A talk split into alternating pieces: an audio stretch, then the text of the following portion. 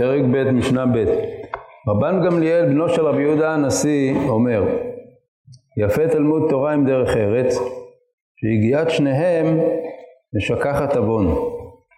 וכל תורה שאין עמה מלאכה שרפה בטלה וגוררת עוון.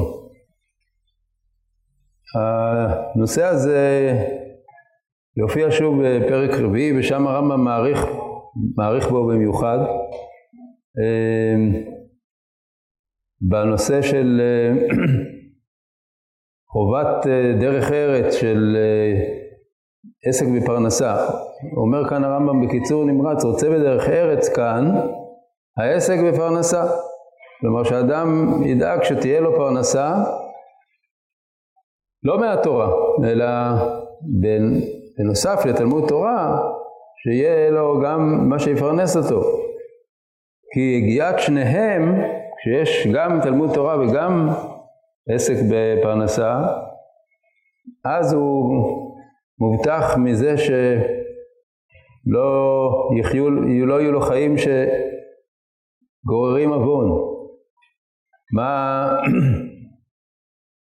מה הבעיה בזה שאדם הוא בלי פרנסה? פשוט מאוד, אומרו וגורר את עוון כמו שבערו במקום אחר, אמרו סופו שהוא מלסטס את הבריות. ככה גרסה של הרמב"ם, מלסטס. היחיד הוא ליסטס, והרבים זה ליסטים. אז בעניין אחר אמרו, סופו שהוא מלסטס את הבריות, זה נאמר על בן סורר ומורה. אבל בכל אופן, המצב הזה שבו בן אדם צריך, צריך כסף, הוא צריך לחיות, הוא צריך פרנסה. אז בן סורר ומורה, זה מדובר על זה שהוא צריך אותו בשביל מותרות, בשביל דברים אה, שאינם ראויים. אבל כל בן אדם, אם אין לו פרנסה, הוא בסופו של דבר יכול להגיע לכל מיני עוונות, להרוויח את לחמו בדרכים לא כשרות.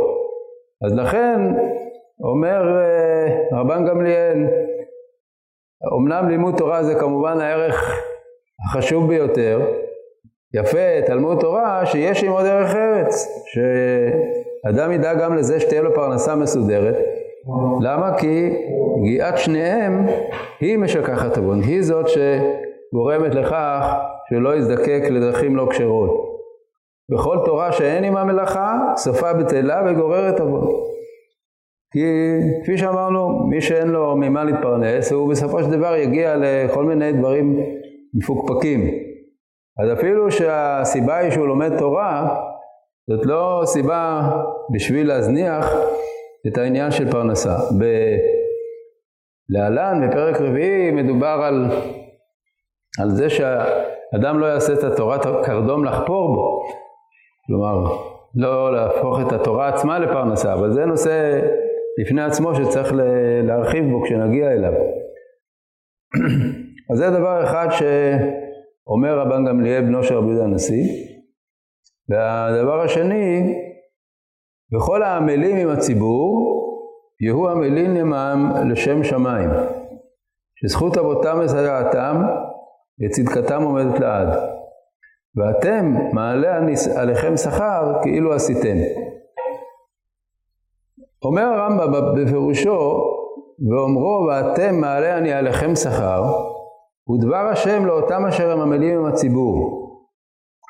כלומר שהמשפט הקודם, המילים הקודמות, שזכות אבותם מסייעתם וצדקתם עומדת לעד, זה לא נאמר על המילים עם הציבור, זה נאמר על הציבור.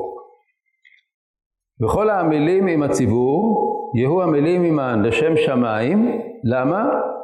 כי הציבור הוא כזה שזכות אבותם מסייעתם וצדקתם עומדת לעד. ואתם, אתם שתעמלו עם הציבור לשם שמיים, מעלה אני עליכם שכר כאילו עשיתם. מה, מה בעצם כתוב פה? הרמב"ם מסביר את המשפט האחרון, מה זה מעלה אני עליכם שכר כאילו עשיתם. אומרו ואתם מעלה אני שכר, עליכם שכר, ודבר השם לאותם אשר הם עמלים עם הציבור, שפעמים יהיו טרודים מלעשות מצווה בהתעסקם במה שצריך לציבור. ואמר שהשם יחשיב להם שכר מעשה המצווה ההיא, אף על פי שלא עשאוה, הואיל והתעסקו בענייני הציבור לשם שמיים.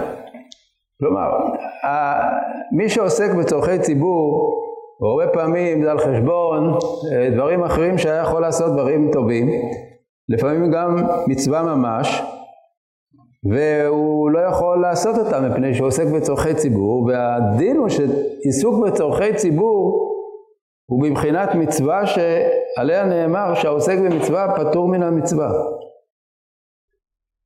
ולמרות שהוא לא יקיים את המצווה שהוא מפסיד כאילו בזמן שהוא עוסק בצורכי הציבור, אומר לו הקדוש ברוך הוא, מעלה אני עליכם שכר כאילו עשיתם. השם יחשיב להם שכר מעשה המצווה, המצווה היא פי שלא עשהו, הואיל והתעסקו בענייני הציבור לשום שמיים. דהיינו שהתעסקות בענייני ציבור לשם שמיים זה בעצמו עיסוק במצווה. אבל לפני כן, התנא אומר, למה צריך לעבוד, אה, לעסוק עם הציבור לשם שמיים? שזכות אבותם מסייעתם וצדקתם עומדת לעד. מה, מה, מה הקשר? מה זה עושה פה?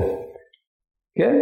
צריך להבין שבן אדם שעוסק בצורכי ציבור, הוא לא מתעסק עם uh, דברים שהם לא כל כך חשובים, שהציבור זה תמיד uh, אווירה כזאת של uh, כל מיני תלונות שיש לציבור, כל מיני uh, צרכים שהם כאלה שכאילו אתה אומר, טוב, מה, מה אני צריך ל, להתייגע ול...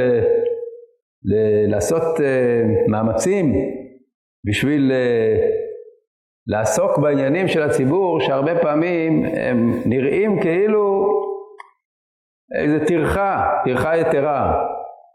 אה, אומר לו התנא, תדע לך שהציבור זה לא כמו איזה אדם פרטי, יש לפעמים אדם פרטי שהוא נודניק, שהוא באמת מטריח בלי שום סיבה אמיתית, אבל עם הציבור הציבור זה, זה, זה גוף כזה, זאת ישות כזאת, שיש לו זכות אבות גדולה מאוד. מי זה האבות של הציבור? זה כמובן אבותינו אברהם, יצחק ויעקב. והציבור בתור ציבור הוא כזה שצריך תמיד להתייחס אליו במלוא הרצינות והאחריות ולהבין שאתה עוסק בצורכי ציבור, אתה עוסק במצווה. כי הציבור זה לא איזה פלוני או אלמוני, זה, זה עם ישראל שזכות אבותם מסייעתם וצדקתם עומדת לעד יש לעם ישראל זכויות, ויש לעם ישראל, הצרכים שלו הם בבחינת צורכי מצווה. הדבר הזה של עוסקים בצורכי ציבור באמונה זה אחד מהדברים שלכאורה אפשר לחשוב כאילו הם לא חשובים, זה צורכי ציבור, זה עסקנות, זה אולי פוליטיקה או משהו שהוא לא, לא ברמה של דבר בעל ערך.